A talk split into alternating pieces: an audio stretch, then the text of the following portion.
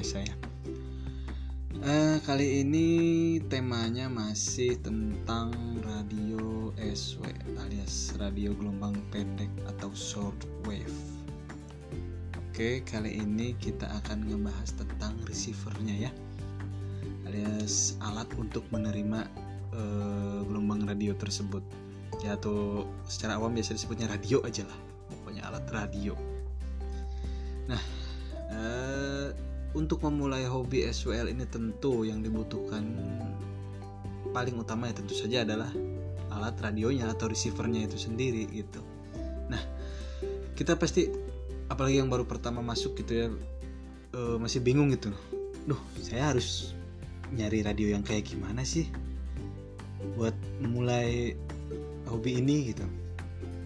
Oke, kali ini kita akan bahas ya eh, saya juga sebenarnya masih baru orang awam cuman ya kita berbagi aja lah ya berbagi apa yang saya tahu aja gitu.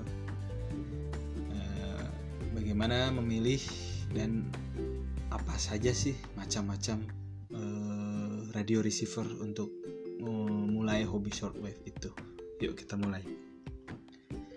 Yang pertama itu dari yang kecil dulu aja ya kali ya. Yang kecil itu eh, radio uh, radionya itu terbagi dari berbagai macam jenis ya.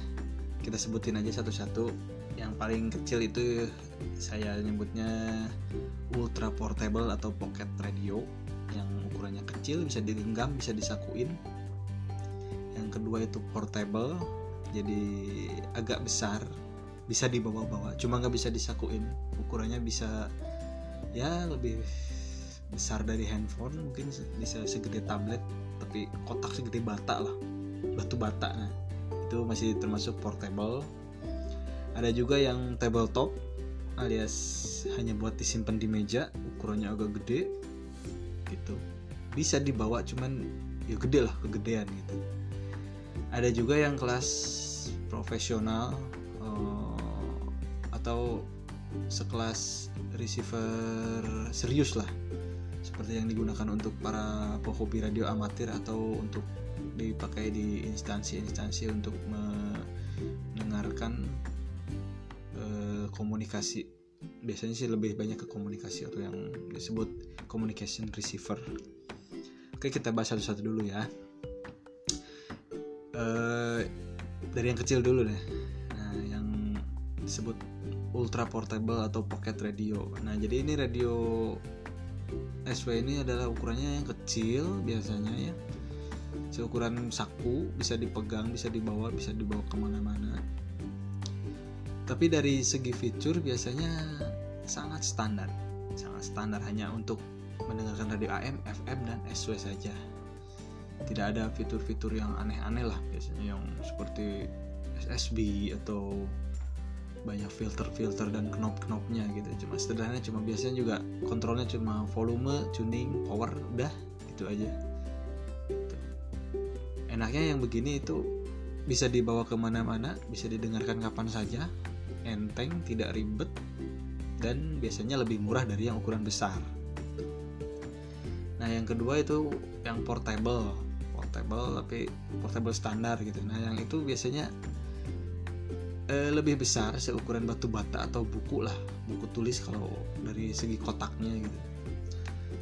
Eh, biasanya ada fitur tambahan dari dibanding yang saku gitu. Misalkan ada knop-knop tambahan seperti tone control atau eh, bass treble seperti itu dan keunggulan yang paling utama dari radio agak besar ini ya dari speakernya yang ukurannya lebih besar sehingga suaranya pun lebih enak gitu.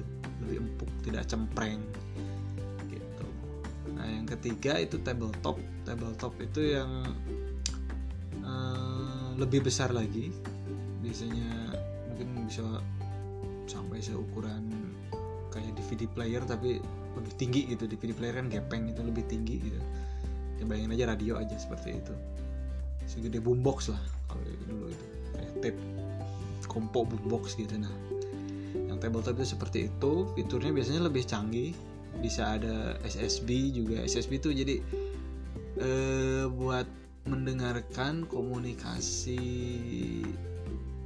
orang berbicara gitu dua arah.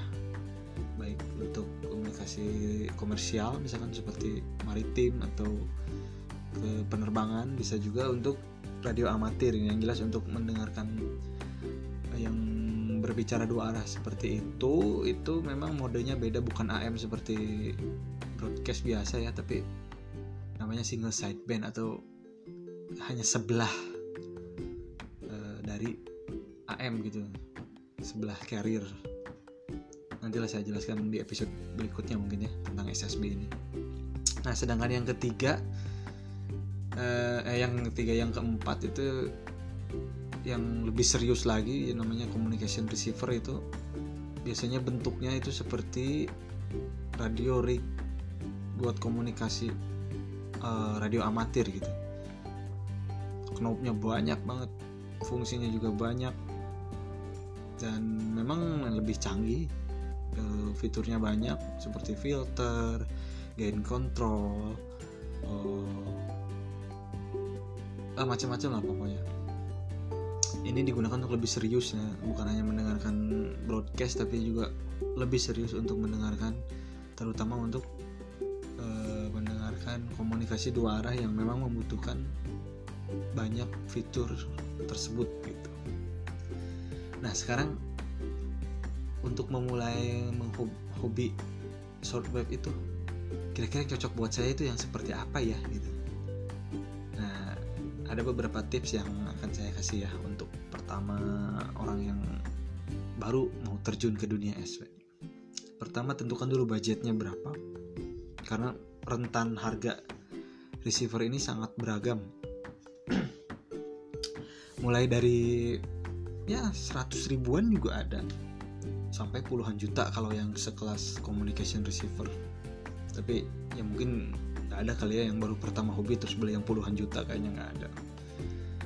Nah jadi tentukan dulu budgetnya berapa gitu. Kalau misalkan budgetnya masih 100-200 ribu saran saya carilah yang pocket aja dulu. Pocket fungsinya paling basic yang penting ada AM, FM, SW terus mereknya apa? Ya harga segitu sih nggak ada yang merek bisa dibilang branded untuk kelas SW ya. Paling cari aja merek-merek lokal misalnya kayak Asatron, Flyco atau apa ya? Ya yang begitu begitulah yang Sonatek yang begitu begitu itu untuk fungsi dasarnya udah sangat bisa gitu sangat bisa mendengarkan shortwave gitu. Nah, kalau udah coba yang itu dan wah asik juga nih. Bisa naikin budget dan nyari receiver yang lebih canggih lagi gitu nah tapi kalau budgetnya misalkan ada uh, misalkan up to satu juta lah satu juta. Nah yang satu juta ini saya sarankan sih cari yang pocket atau yang portable tapi dengan fitur yang lebih canggih. Misalkan yang uh, dengan display dan tuning digital yang bisa menyimpan memori lebih bagus lagi bisa memasukkan frekuensi dengan mudah misalkan dengan keypad tinggal ketikan frekuensi enter bra keluar gitu. Nah yang seperti itu itu sangat disarankan kalau budgetnya bisa sampai satu juta. Uh, misalkan sekelas Texun PL 310 IT atau PL 380 atau misalkan ya yang seperti itulah kalau budgetnya misalkan sampai 2 juta bisa dapat radio yang sudah punya kemampuan SSB seperti PL 660 itu bisa mendengarkan SSB itu lebih bagus lagi. Nah tapi balik lagi ke kebutuhannya. Gitu kebutuhannya mau eh, mau hobi SWL ini mau mendengarkan hanya broadcast atau seneng juga dengerin orang ngobrol orang ngebreak gitu.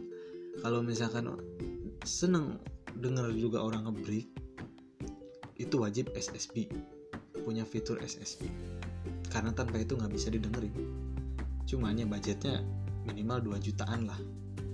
Baru bisa ada beberapa pilihan gitu. Kalau di bawah satu juta itu udah agak susah.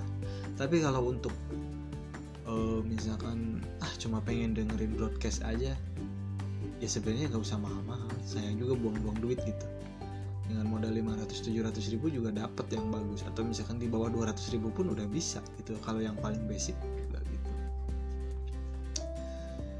Untuk tipe-tipenya ya kayaknya sih agak susah ya kalau sebutin mereknya satu-satu gitu. Cuman balik lagi sekarang tipsnya itu tentukan dulu budget dan kebutuhannya apa gitu untuk broadcast atau untuk komunikasi juga. Itu kalau untuk komunikasi cari yang SSB kalau broadcast aja ya yang paling sederhana pun cukup. Gitu. Uh, ya mungkin gitu aja dulu ya episode sekarang. Sepertinya agak berantakan ya. Mungkin nanti disambung lagi lah di episode berikutnya. Uh, sampai ketemu nanti oke? Okay? bye bye